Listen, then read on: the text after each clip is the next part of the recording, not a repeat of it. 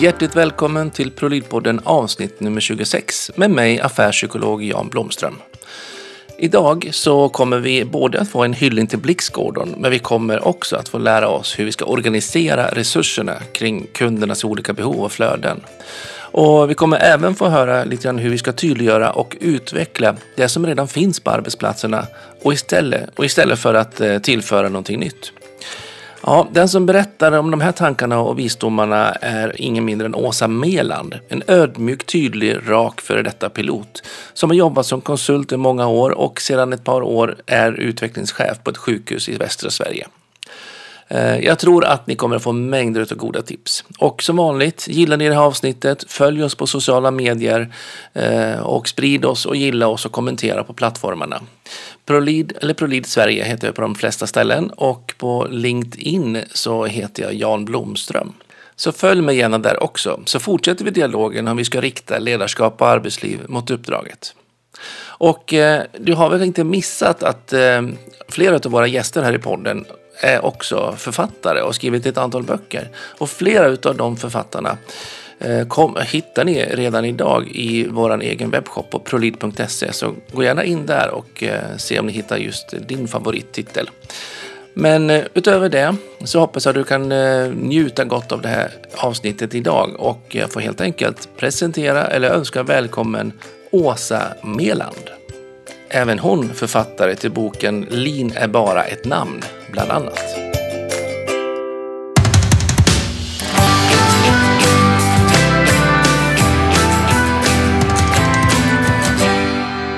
Hjärtligt välkommen till ProLid-podden, Åsa Meland. Tack för det. Vad kul att vi fick till det här. Mm. Jag är lite nyfiken på vem du är och vad du gör och dina tankar och resonemang kring ett antal områden. Så att, kan inte du börja berätta lite, vem, vem är, har vi oss framför oss? Framför er har ni en person som idag jobbar som utvecklingschef på ett sjukhus. Mm. Men jag har en ganska brokig bakgrund och eh, en gång i tiden så började jag läsa statistik och när jag hade gjort det några år så hade SAS uttagningstest för att bli piloter. Okay. Och då gick jag på ett sånt test och så kom jag med. Ja. Och så blev jag pilot. För det här var ju på den gamla goda tiden när SAS hade pengar. Ja. Så man letade inte efter piloter utan man letade efter en person som man kunde göra till pilot. Ja. Eh, och så blev jag det och så jobbade jag som det i några år. Men vad jag inte hade planerat var att jag skulle bli mamma. Okay. Eh, och när jag blev mamma så tänkte jag att jag vill inte vara borta fyra, fem dagar i stöten. För det kan ju vara en dag när min son börjar cykla eller min dotter kommer hem från skolan och det har hänt något jättekul. Mm, och du inte var eh, där? Och jag inte var där. Nej. Så då började jag jobba ihop med min dåvarande man och på den tiden så var han den tandläkare i Skandinavien som hade flest behandlingsrum, han hade flest anställda och han tjänade mest.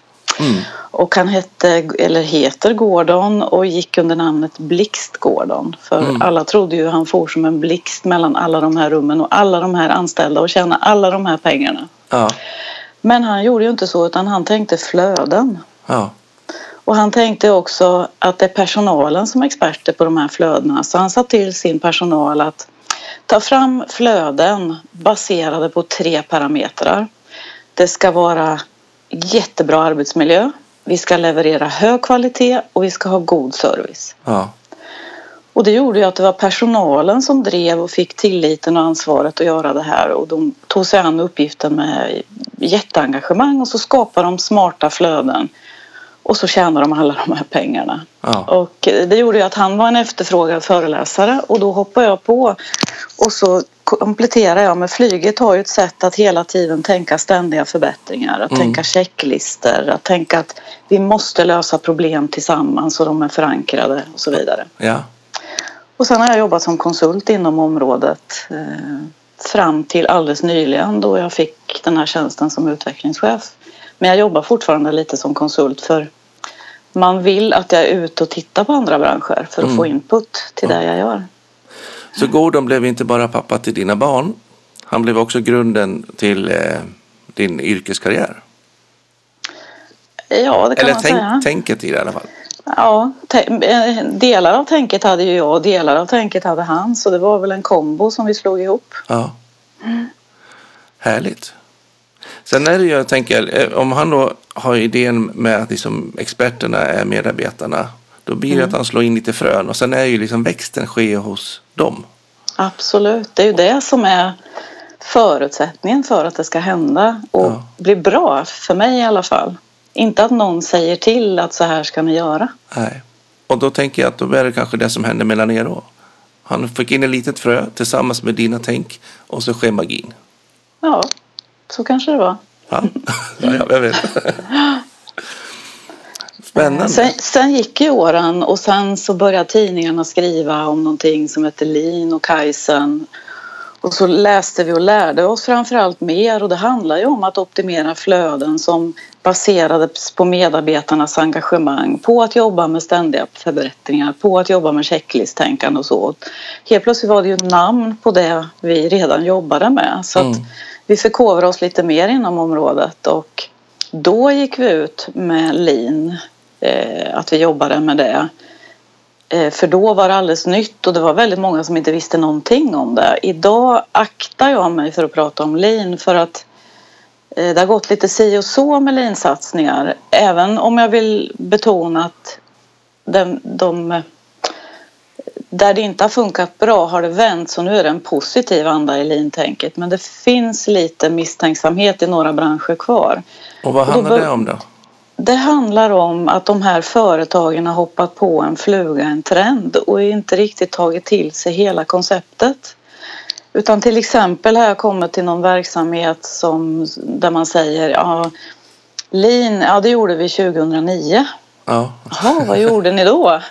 Ja, men eh, då skrevs det in i vår vision att vi jobbade lean. Mm. Ja, men vad gjorde ni då? Ja, vad då gjorde? Och då efteråt så säger de nej men det funkar inte då 2009 så nu börjar vi med något annat. Ja. Eller så har jag varit hos en verksamhet som säger att eh, ja men det gjorde vi, det funkar inte. Ja vad gjorde ni då? Ja alla fick spela linspel. Mm.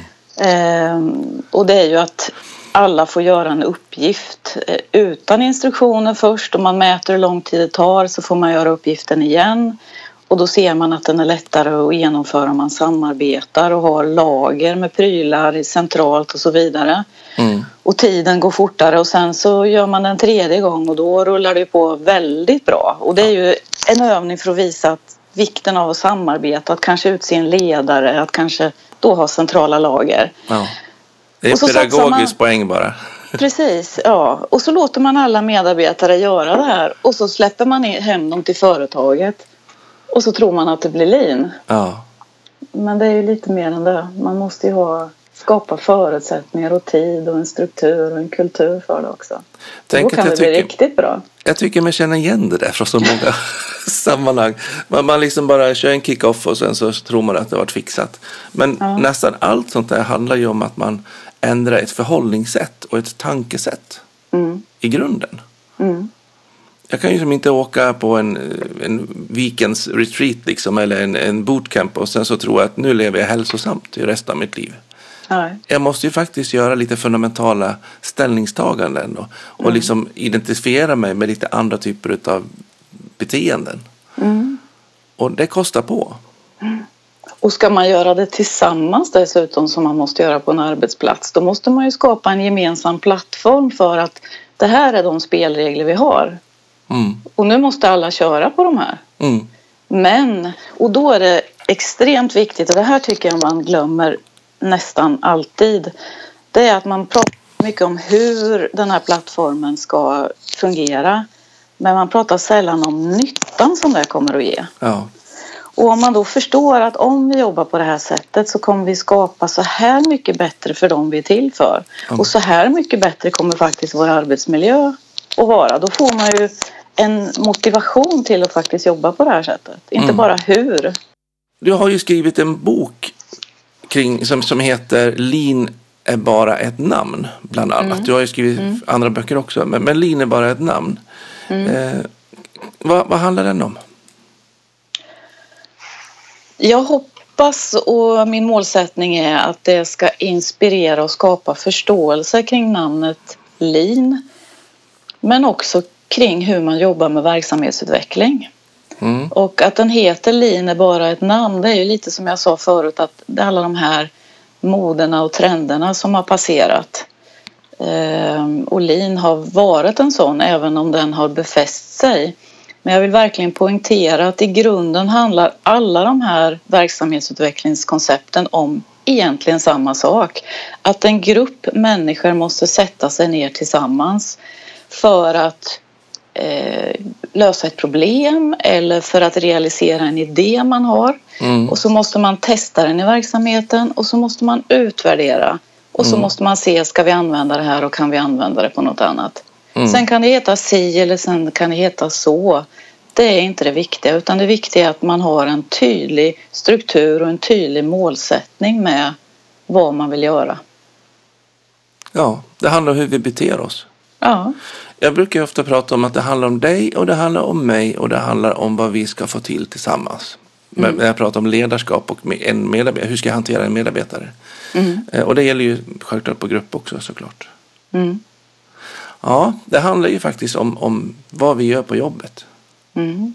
Eh, jag, jag, tänker så att vi har ju oftast eh, de resurser vi har. Det är sällan vi kan få så mycket mer resurser på en arbetsplats. Mm, nej. Och då är det ju verkligen att ta en diskussion på hur sjutton gör vi, hur nyttjar vi given mängd resurs på bästa sätt i förhållande mm. till det vi ska uppnå. Mm. Och eh, det, det, löser man ju inte av sig själv och man löser inte med att man har olika svar på den frågan. Nej. Utan där behöver man ju verkligen få till ett, ett gemensamt svar. Mm. Och då är, ju, ja, då är ju lean faktiskt precis det där du säger. Att hur gör vi det bästa av det vi har? Ja. Då är ju det lite idéer om hur man bygger en struktur och kultur. För det där hänger ihop. Vi ger oss jättelätt in på strukturfrågorna. Ja. De är mycket lättare att ta i. Det där med kultur, det är så abstrakt men Lean är faktiskt att bygga en kultur av att vilja jobba med frågan och förstå varför. Mm. Och då är vi inne på det där varför som du pratar om. Mm. Att det är viktigt att veta vad, vad, vad är poängen. Mm. Samma som när vi ska gå och träna egentligen. Gör vi det för att vi vill se bättre ut? Gör vi det för att leva mer hälsosamt? Eller vad, vad är poängen? Mm. Eller gör jag det bara för att arbetsgivaren sa att jag ska gå och ha friskvårdskort? Precis. Eh, när du pratar om det här med att organisera och optimera flöden. Mm. Hur tänker du kring, kring det? För att skapa just de här struktur, kulturbalansen. Vad jag ser väldigt ofta det är att man på något sätt ingår i en kedja av aktiviteter där man kanske inte ser de som gör slutet eller början av mm. kedjan.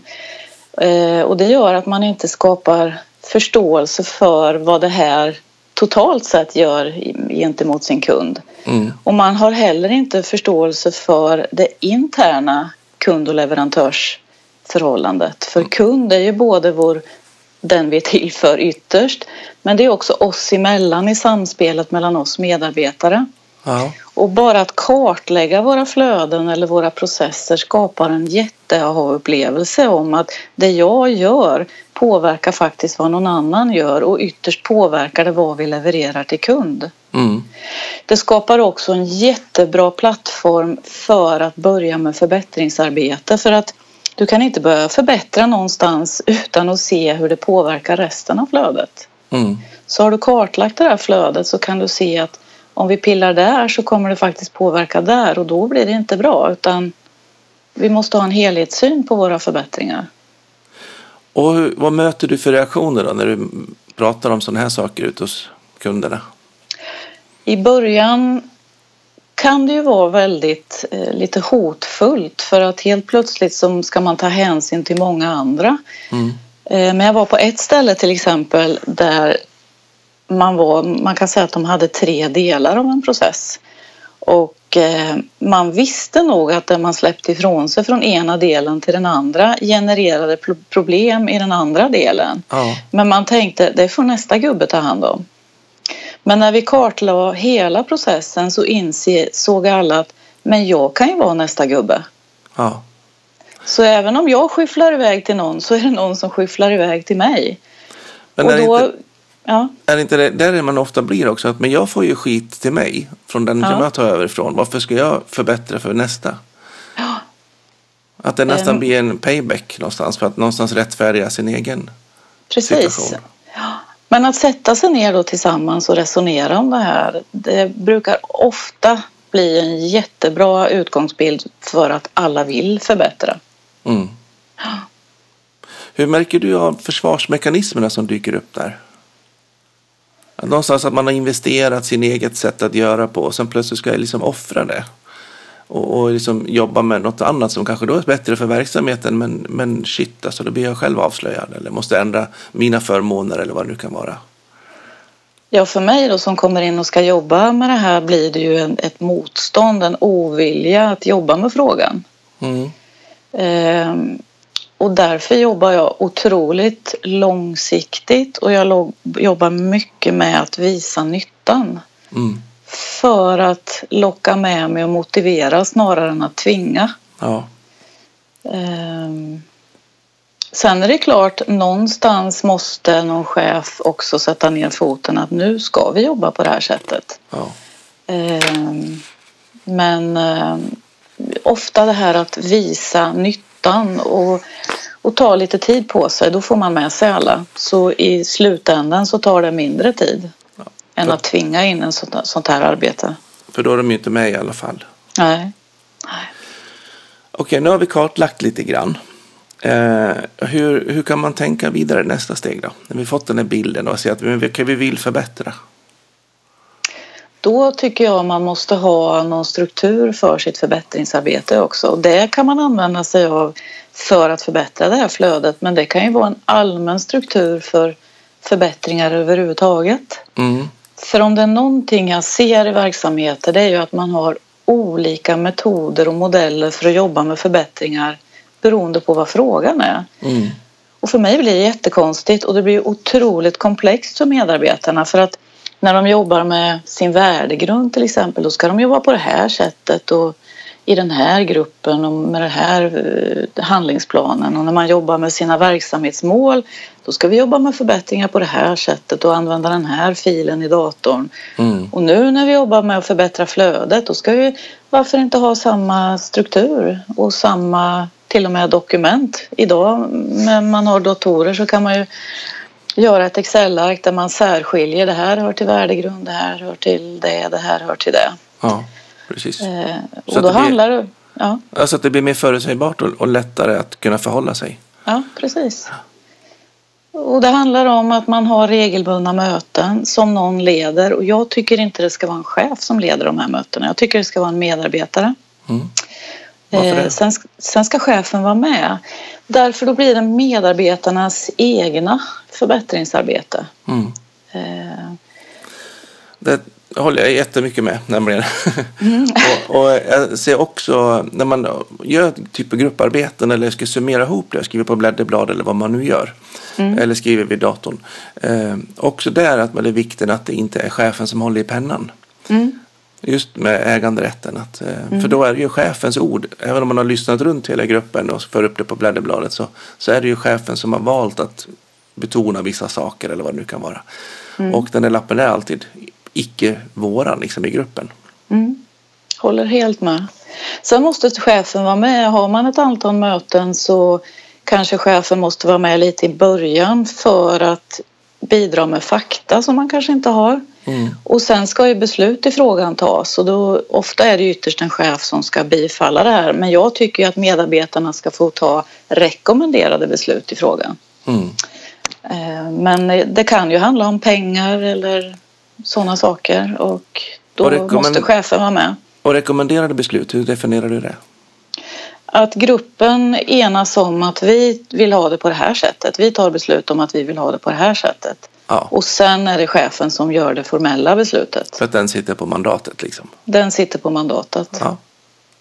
Och då är det ju tydligt också att måste det vara tydligt att man från början i det här arbetet har tydliggjort vilket mandat har gruppen att ta egna beslut och när måste man eh, gå till chefen för att rekommendera ett beslut som chefen formellt tar. Ja. Eh, jag brukar ju säga att man eh, måste dels beställa sitt ledarskap och det är ju en del i det. Eh, att, mm. Så att det här vill vi ha beslut av dig just nu, för det här mm. behöver vi i verksamheten. Mm. Men sen också att man som chef kan vara, vara duktig på att liksom identifiera vilken fråga som behöver tas i. Om det är så att inte medarbetarna själva gjort det. Mm. Därför att man kanske sitter med information från styrelsen eller från politiken eller vad det mm. kan vara. Mm. Som, men, men då identifierar man och sen initierar man att, att den här frågan behöver ni jobba med. Och mm. jag vill ha ett förslag till beslut. Mm. Men det är inte chefen som ska göra det. Nej. Och dessutom så tycker jag ett annat argument för det, det är ju att medarbetarna sitter på expertkunskapen. Eh, chefens uppgift är ju att ha ett helikopterperspektiv men just i de här frågorna är det ju de som jobbar med frågan som vet bäst faktiskt hur det fungerar. Ja. Så det är ju att utnyttja expertis. Plus att det är de som ska jobba med frågan så de måste ju också vara engagerade och motiverade att fortsätta i beslutets riktning. Ja. Och man har ju suttit på en anställningsintervju en gång i tiden och sagt anställ mig, jag är mycket bättre än alla andra som söker den här tjänsten till mm. att göra det här jobbet. Mm. Och, och sen har man ju några kollegor som också sagt samma sak och sagt det mm. bra för vi, alla fick ju jobbet.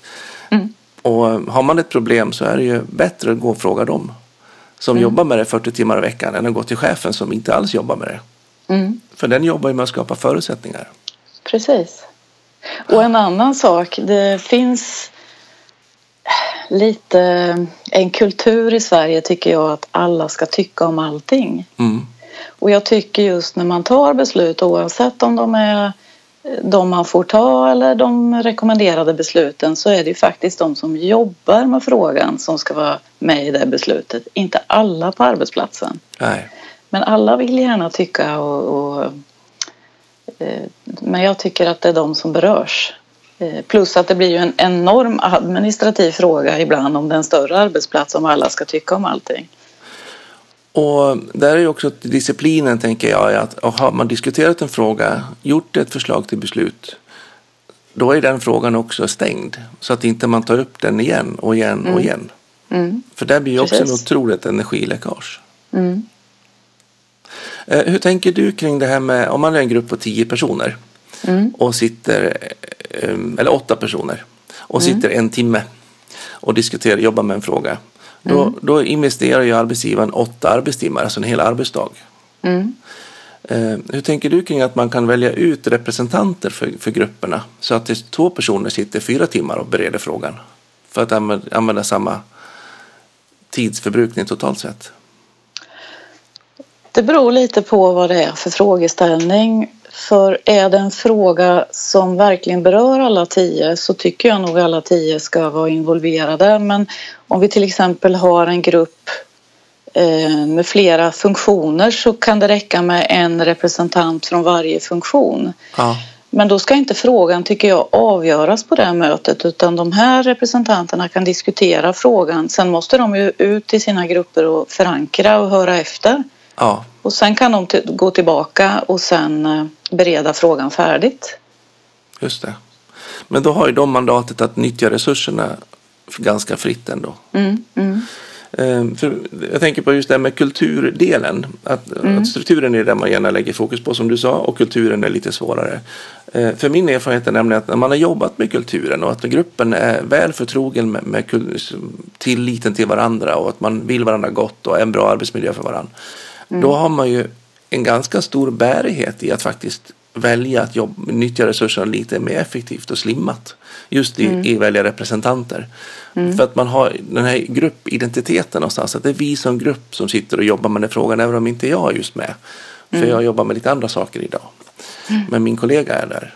Mm. Eh, men, men det förutsätter ju att man, man har liksom trygghet i gruppen för att kunna göra det på ett bra sätt.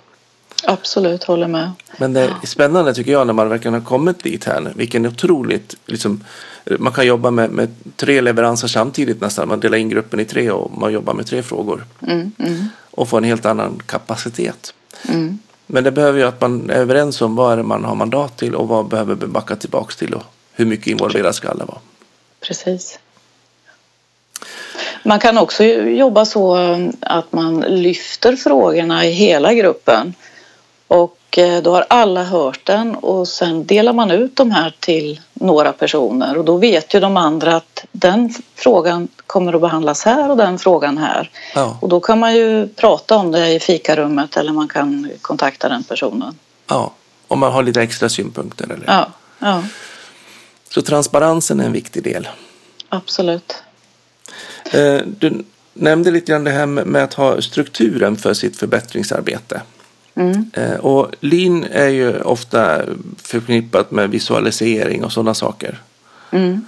Eh, Hur upplever du att, ehm, att liksom det är ett... ett alltså när, när har man strukturerna som, ett som en frisedel för att slippa ta i de frågorna som man skulle behöva ta i? Och nu hängde det inte alls med vad jag tänkte va? Jag ska väl förklara Nej. lite bättre. Ja, gör det. Eh, För jag tycker att man, man är ute många gånger så kan det vara så att man hellre lägger ner fokus på hur man jobbar med själva metoden eller själva verktyget. Ja. Eh, och för att slippa ta i vad frågan handlar om. Vilket steg man är i coachmodellen eller vilken, vilken, hur vi använder pluppsystem eller hur vi gör ditt och datten. Så kan man liksom gå igång en met, stor metadiskussion om det. Istället för att vad vi faktiskt vill åstadkomma med den visualiseringen till exempel. Så att jag upplever att när man har försvarsmekanismer och lite motstånd i organisationerna då man, väljer man gärna att lägga fokus på, på själva formerna eller färgerna på pluppar eller vad det nu kan vara för tok. Istället för att liksom själva mötas i, effekterna med det. Fast nu är, vi ju till, nu är vi tillbaka till det här som jag pratade om att visa det viktigaste att ge medarbetarna det är att skapa förståelse för nyttan. Och jag upplever att när man jobbar med utveckling och ska kanske till implementera ett nytt koncept så satsar man otroligt mycket tid på att utbilda högsta ledningen. Mm. Och de får bakgrunden, de får förståelsen för varför och också huret. Och så Mm. finns det en övertro på kaskadmodellen, det vill säga att de ska gå till nästa ledchefer som ska gå till nästa ledchefer Mm. och ytterst då till medarbetarna. Och där tappar man varför och bakgrunden och är bara nere på hur. Mm. Och då blir det gärna den här tavlan. Mm. Men om du har med dig varför och bakgrunden så förstår man nyttan och tyngd till val av koncept. Mm. Eh, och då blir tavlan bara ett medel för vad man ska åstadkomma. Mm. Och det är den man måste få med. Ja. Men den här tavlan är jätteviktig. Och jag tror att vad man också kan missa det är att mäta effekterna av det man gör. Och då kan det lätt bli att någon säger att Åh, vi lägger så mycket tid på det här. Men om man också mäter effekterna så ser man att den tid vi lägger ner ger också effekt. Mm. Och nu pratar jag inte bara om tid och pengar utan jag pratar också i arbetsmiljö och i kundvärde. Mm. Att det ska vara balans mellan de där värdena. Mm. Eh, Och det kan ju vara svårt att mäta just eh, arbetsmiljö. eh, Utan där kanske man till och med får ha någon pinstatistik att nu har vi gjort det här, det minskade vår stressnivå, vi känner oss bättre men vi kan inte mäta det men vi känner det i kroppen. Mm. Och det är en variant av mätning det också. Ja, jo, ja det är sant. Och jag tänker också om man då gör en sån PIN-statistik eller så, och, och det är ju, har man det som en arbetsform vi pratar om att man ska liksom ha någorlunda lika i olika frågeställen. Men att ha det som en arbetsform, att egentligen ta tempen i ett antal olika områden. Mm. Där man gör ett antal pinnar och, och liksom bedömer på hur arbetsmiljön är, hur stressmiljön är, hur kund, upplevd kundnytta är, hur teknikfrustration är eller vad det nu kan vara. Så får man ju liksom tempen på en millisekund egentligen i olika frågor. Istället för att vänta på den årliga stora medarbetarenkäten som Precis. folk dör under. Och då, Det var lite ro... Ja. och då behöver man dem inte nästan. Det var lite roligt för att jag har jobbat på ett sjukhus. Nu låter det som jag bara jobbar på sjukhus hör jag, men jag har faktiskt jobbat i alla branscher. Eh, Jag tänkte på det, det var en vecka, då var jag på Tekniska verken i Linköping och jobbade med eh, de som hanterar sopor och de som forskar kring miljöfrågor. Mm. Och nästa dag var jag på ett äldreboende, tredje dagen var jag på ett sjukhus och fjärde dagen var jag på en, in- en tillverkande industri. För att om man tittar på var behöver vi förbättra och utveckla så har det ju sällan med vad man gör specifikt utan det har ju med brist på struktur, brist på information och kommunika kommunikation, brist på ordning och reda, det här mänskliga. Ja. Ehm, men det här sjukhuset då, där har Karolinska varit och forskat på deras förbättringsarbete. Ja. Och då gjorde man någonting som var jättesvårt för mig som konsult att stå bredvid och titta på för att man lät ena halvan av sjukhuset klara sig lite själv i sitt förbättringsarbete. Medan man satsar väldigt mycket på att stötta förbättringsarbetet på den andra halvan. Okej. Eh, och man följde det här i tre år och så gjorde man kontinuerliga utvärderingar och då kom man fram till att den delen där man jobbade aktivt med att hela tiden förbättra Mm. så upplevde medarbetarna att de hade ett verktyg för att påverka sin egen stressnivå. Mm. Att ta bort problem som var i vägen i deras arbetsdag och de upplevde också att de kunde leverera högre kvalitet i sitt arbete gentemot patient. Mm. Eh, Så man, man tror bara det här är tid och pengar men det här är faktiskt ett sätt att jobba med sin arbetsmiljö. Och är arbetsmiljön bra så är det oftast nästan alltid en bättre kundnytta också. Ja. Och man tjänar tid och pengar. Ja, Men fokuserar du på tid och pengar får du sällan kundnytta och bra arbetsmiljö tycker jag. ja. Jag, jag förstår det att du har ont i magen av att, det ska, att man gör så. Men det är priset man får betala för att visualisera effekten i alla fall. Precis. Och sen gjorde man ju en jätteåterhämtning på den andra halvan också. Ja, Mm. ja det kan vara spännande. Och det är också att det här är ju, det gäller utvecklingsfrågor, att det är ingenting som är en kostnad nödvändigtvis, även om det kostar också. Men, men det är ju också en investering för utveckling. Absolut. Och någonstans så har vi mycket lättare att kunna investera i, i hårda maskiner och datautrustningar än i sådana här utvecklingstekniker på något vis.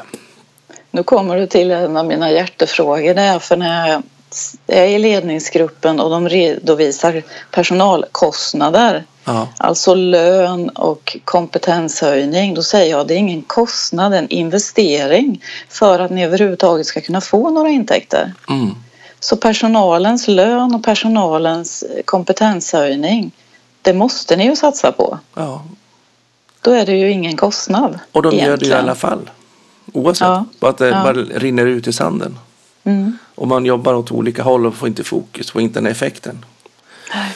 Nej, det är viktiga investeringar. Mm. Eh, Vi har varit inne lite grann på det här med kundnytta.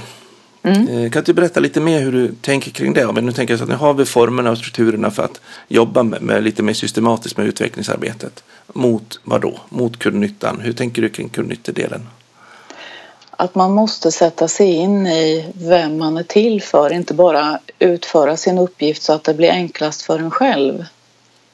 Mm. Ehm, och ha det perspektivet. Är det tillför det jag gör något värde till kundens den vara eller tjänst som vi levererar? Och nu pratar jag om den externa kundnyttan. Mm. Och det är väl någonting som skiftar ganska mycket på hur man ser på det ute på arbetsplatserna. Absolut. Eh, tyvärr är det lite beroende på hur arbetsplatsen organiseras också för att väldigt många verksamheter organiserar i stuprör. Mm. Eh, och då blir det lätt att man bara tittar på sitt eget rör och inte vad hela kundens flöde eh, behöver för värde. Så länge jag är gör mitt så här- är det bra. Precis, och om man då kartlägger det tillbaka till att kartlägga de här flödena och se det ur kundens synvinkel så ser man ju här får kunden vänta och gör, är det här i rätt ordning för kunden eller? Mm. Och ett, jag var borta i ett företag här för inte så länge sedan som, där de hade en ganska standardkultur någonstans att man inte riktigt ägde ansvaret. Eh, Men även om man var ansvarig för ett område så, så var det liksom lite större företag så att man var i olika miljöer eller olika pe- personer var involverade i olika faser. Men det var någon koordinator som skulle hålla i frågan. Men eh, när den var, då låg bollen hos någon annan ett tag, ja, men då låg den ju där och fick ligga där tills det råkade bli en förflyttning till nästa steg. Mm. Och det här saknar den på att man ser att du måste hålla i frågorna och driva på även om det inte är du som har bollen här. Därför att vi har en yttre kund som lider av att inte det rullar på framåt i processen. Mm, mm, för att man glömmer av det. Men jag har gjort mitt. Nu är det den som ska göra det. Vi får se när det kommer tillbaka till mig. Mm. Den där reaktiva liksom, arbetssättet som är så förödande för så många. Precis. Kostar multum mm. i, i upplevd effekt. Ja. Eh, fokus på kunden helt enkelt. Absolut. Och om man då tänker sig att vi organiserar resurserna kring kundens behov och, och flödena för det. Eh, hur, om man översätter det kring medarbetarnas behov och flöde. Eh, hur kan man översätta det i ett ledarskap, tänker jag? Eh, där, där man som ledare måste kanske då hjälpa medarbetarna att ha koll på sin nytta och sitt mål. Gentemot varandra menar du? Eller ja. gentemot yttre kund? Nej, eh, mot den yttre kunden egentligen. Nu har jag flera huvud, tankar i huvudet samtidigt känner jag. ja. Um, ja, nu är jag tillbaka till det där att visualisera, att få förståelse för vad min del betyder för kunden. Och för att förstå vad min del betyder för kunden så måste jag ju förstå hela kundens flöde. Ja. Och Ja, det var ett annat spår jag hade där som jag tappade just nu. Mm. ja, okej. Okay. Men du, en, ett annat spår som, jag, som kanske landar lite, som jag kan förklara lite bättre hur jag tänker. Ja, ja. Eh, det är det med minimera resursslöseriet. Ja. Ehm, hur, hur, tänker du kring, kring sådana saker? Vad är det för tips kring att liksom inte ska bli läckage av energi och fokus i, i organisationerna? Det finns ju massa läckage av olika sorter. Eh, det finns problem som man inte löser. Det finns eh, irritation eller brist på bra arbetsmiljö. Det är ju ett jätteläckage. Ja. Att man gör saker av gamla vanor. Ett jätteläckage. För det var bra förr? Det var bra förr. Mm. Eh, otydlighet, ett jätteläckage. Mm. Men där gäller det ju att jobba med dels att man har ett forum där man lyfter upp de här frågorna och jobbar med dem. Mm. Eh, men det har ju också med att man återigen då visualiserar flöden och gör dem smidigare. Just det. Där sparar du både läckage i form av arbetsmiljö men också i faktiskt tid och pengar. Mm. Och också yttre kundvärde. Mm. Men om man då är lite konflikträdd då, som chef? Det är jobbigt ska man, då. Ska man vara chef då? Nej, det tycker inte jag. Men, men många är det ju. Ja. Och även i grupperna så är det kanske att okej, okay, jag pratar med mina kollegor och tar den diskussionen om, om hur vi läcker energi. Eh, så länge det var lätt och trevligt. Men så fort det var lite jobbigt och känsligt så då väljer man att ducka under radarn och, och rikta fokus åt ett annat håll. Fast jag upplever att om du jobbar på det här sättet så övar du upp din kultur till att ta tag i de obekväma sakerna. Mm. Du kanske börjar med att prata om de rent faktiska. Här ser vi att om vi gör det här fem minuter snabbare genom att göra så här så vinner vi fem minuter och genom att välja det här materialet här så vinner vi 10 kronor per produkt vi levererar. Ja. Du börjar med de sakerna. Sen kanske det börjar med någon sak att ja, men här är det inte lite smidigt. Kan, om, om den personen gör så och, och sen kan det lyfta det sig ofta ett steg till. Mm. Så min erfarenhet är att börja med de här hard facts så kommer det med automatik att höja nivån. Ja. Och då gör gruppen det själv, det är inte beroende av ledaren. Nej. Om nu inte ledaren kväver det.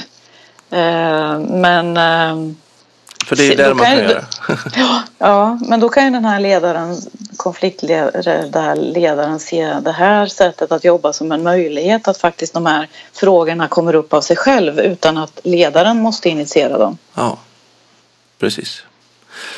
Eh, för det är den största utmaningen för en konflikträdd ledare, det är att inte hålla tillbaka och kväva medarbetarna. Precis. En annan sak att om man har en struktur för att lyfta saker och ting som inte funkar eller man kan minimera eh, resurser i oavsett karaktär så blir det helt plötsligt ett sätt att komma på hur vi löser det istället för att man letar syndabock. Ja.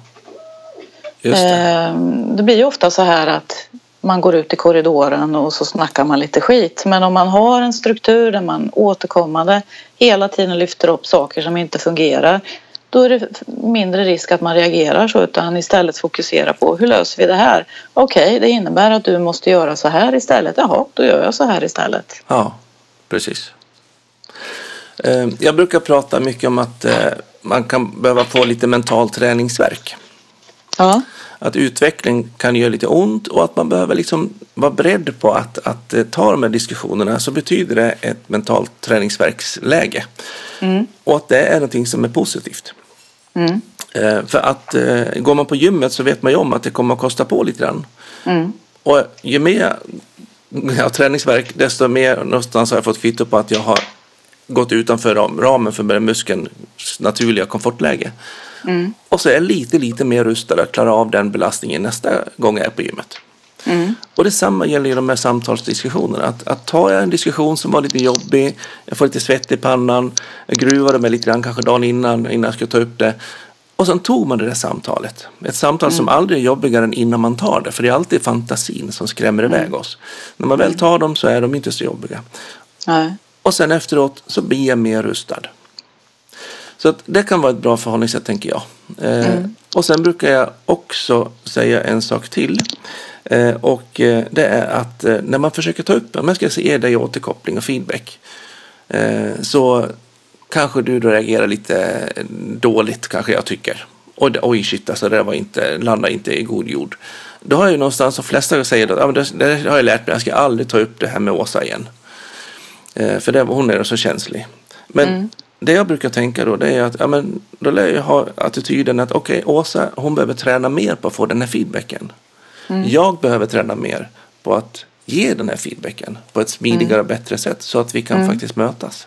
Så att du och jag behöver ju verkligen återkoppla med varandra många gånger fler om det mm. inte funkar bra. Mm. Därför att det är bra för verksamheten och kundnyttan då att kunna mm. få till den här dialogen. Och har man sedan strukturerna som vi, du pratar mycket om här med, med liksom, så underlättar ju det att ta bort mycket av de här trösklarna som, som ligger som hinder. Absolut. Så att det kommer upp av sig själv. Mm. Eh, I din bok så nämner du också lite grann, jag tror det är där jag har sett i alla fall, att tydliggöra och utveckla det som finns men att inte tillföra någonting nytt. Mm. Hur, berätta lite kort hur du tänker kring det. Många medarbetare, det här grundar sig på att man kanske ibland har bytt utvecklingsmetod lite för ofta och efter två, tre byten så blir medarbetarna lite trötta på det här och det är svårare att ta det till sig. Mm. Eh, men om man då verkligen visar att det här är ingenting nytt vi ska göra utan det är bara ett sätt att göra det vi redan gör fast lite bättre. Ja. Målet är inte att vi ska implementera en förbättringsmetod. Målet är att vi ska göra det vi gör lite bättre. Ja. Och då får man bara ett förhållningssätt knutet till det. Ja. Eller att man utvecklar ett förhållningssätt. Ja. Det är inte ett tillägg utan det är och det här är väl ett viktigt. bättre sätt att göra det. Ja. ja, och det är väl viktigt tänker jag, ett budskap till alla cheferna egentligen, att ni behöver inte eh, liksom pinka in ett eget revir och göra egen staty utanför ett företag genom att säga att nu har vi infört den här metoden, det var jag som implementerade. Nej. Bara för att få sin egen fjäder i hatten, utan mm. lägga undan den prestigen och, och, och förbättra den ni har. Mm. Och det tycker jag också är ett förhållningssätt som man som chef är ganska skönt när man kommer in och säger hej, nu är jag här, berätta för mig vad ni har. Eller ännu bättre om man då fått det här att funka, där man som medarbetare säger hej och välkommen som ny chef till oss. Så här jobbar vi och vi behöver det här av dig som chef. Mm. För då har man ju verkligen fått äganderätten ner till, till medarbetarna. Absolut. Och då är det så enkelt också att vara chef. Du sa Mm. att du hade varit på många helt olika branscher under en vecka. Eh, och det är också tycker jag ett tecken på det här att ska man vara chef och ledare eller om man är konsult, jobbar man med åt det här hållet så är det inte så påtagligt. Alltså låter man medarbetarna vara experterna då kan jag faktiskt gå in och vara expert på att skapa förutsättningar. Ja. Och då spelar det egentligen inte så stor roll vilket område jag gå in i. Nej. Och sen förhoppningsvis har jag bara rekryterat folk som är bättre än mig själv. Mm. Annars är det ju inte bra för kundnyttan. Nej. Så då är det dumt Ja. att jag tror att jag ska tala om hur de ska göra. Mm. Utan att för den skull som, ur- be om ursäkt för att man är där. Utan jag är där, är tydlig i min roll, men mina experter är de nere. Mm. Det här tycker jag också är en, jag på känner jag, men eh, många chefer får ju också typ från styrelsen eller från högre upp i koncernen eller vad det nu kan vara förväntar sig att det är chefen som ska kunna rapportera i detalj vad som händer och hur man har tänkt i olika situationer. Eh, Och jag blir så imponerad när man landar i lägen där man säger som chef att jätteviktig fråga, den är så viktig så att du behöver, den är värd att få det absolut bästa svaret. Så jag skickar upp min medarbetare. Upp i koncernledningen eller upp i politiken eller vad det nu kan vara. Mm. Mm. Men det är där det blir ganska naturligt att jobba om man får till det här. Precis. Jag sitter på mitt sjukhus i sjukhusledningen och får dra väldigt mycket frågor men det är ju sällan jag drar dem utan jag tar ju in någon från verksamheten som beskriver dem. Ja, som kan dem. Eh, Då kan vi ju ta ett bättre beslut för vi har en bättre bild av frågan. Ja. Ja, jättespännande. Mm. Du, så spännande att få höra ditt resonemang. Eh, om man vill eh, läsa lite om dig så heter boken Lean är bara ett namn, bland annat. Eh, vad kan man få kontakt med dig mer om man eh, vill prata mer med dig? Man kan eh, gå in på min hemsida som heter kaisensupport.se. Ja, Kaizen betyder ju ständiga förbättringar. ja, Eller så kan man ringa mig om man vill på 0730 41 38 00. ja. Och sen lyssnar man säkert på din eh, podd och då ligger väl jag ute där kanske också. Ja. Jag vet inte. Mm. Och så kan man läsa boken. Och sen kan man läsa boken. Ja, Får jag slänga med en sak? absolut. Jag har ju skrivit några böcker innan också och eh, när jag skrev bok två så ville jag egentligen skriva en livsstilsbok för jag hade en person i min närhet som gick in i den här berömda väggen. Ja, Eh, och då kallar jag den här boken Våga välja för jag menar att för att göra så många saker som vi vill göra idag så måste vi våga välja bort saker för vi har en begränsad tid. mm. Och det är det ett problem som vi många har. Vi vågar inte välja utan vi väljer bara till och till och till. Mm. Och när jag skickade in den till Liber som är mitt förlag så sa de Åh, har du skrivit en bok till om förbättringsarbete? Nej men jag har ju skrivit en livsstilsbok så jag var faktiskt lite upprörd. ja, Nej men du skriver ju om att när man har ett problem så måste man inkludera de som berörs av frågeställningen i frågan. Man kan inte göra det själv. nej, Och man måste prioritera, man måste ta bort tidstjuvar, man måste ha en plan och en mål och förstå nyttan. Du skriver ju hela tiden om verksamhetsutveckling. Och då gick det upp ett ljus för mig faktiskt att det här är ett sätt att tänka. Det låter som en floskel men det är faktiskt ett sätt att tänka. ja, Eh, Men med det stärker jag kanske också att det här är inte ett tillägg till det vi gör utan det är ett förhållningssätt. Det är ett sätt att tänka faktiskt. ja. Mm. Och det tror jag det jag pratar om också, om att inte man ska ducka under radarn eller att man får, får, får använda metoderna som ett frisedel. Utan det handlar om ett förhållningssätt. Och vare sig det handlar om det privata livet eller om det handlar om verksamhetsutveckling. Mm. För det är ingen skillnad egentligen. Nej, absolut inte. Och spännande. Du, tusen tack för idag. Och eh, ha en lycklig fin höst vidare. För det är början på hösten vi pratar nu. Detsamma önskar jag dig. Ja, vi hörs. Hej. Ja, hej.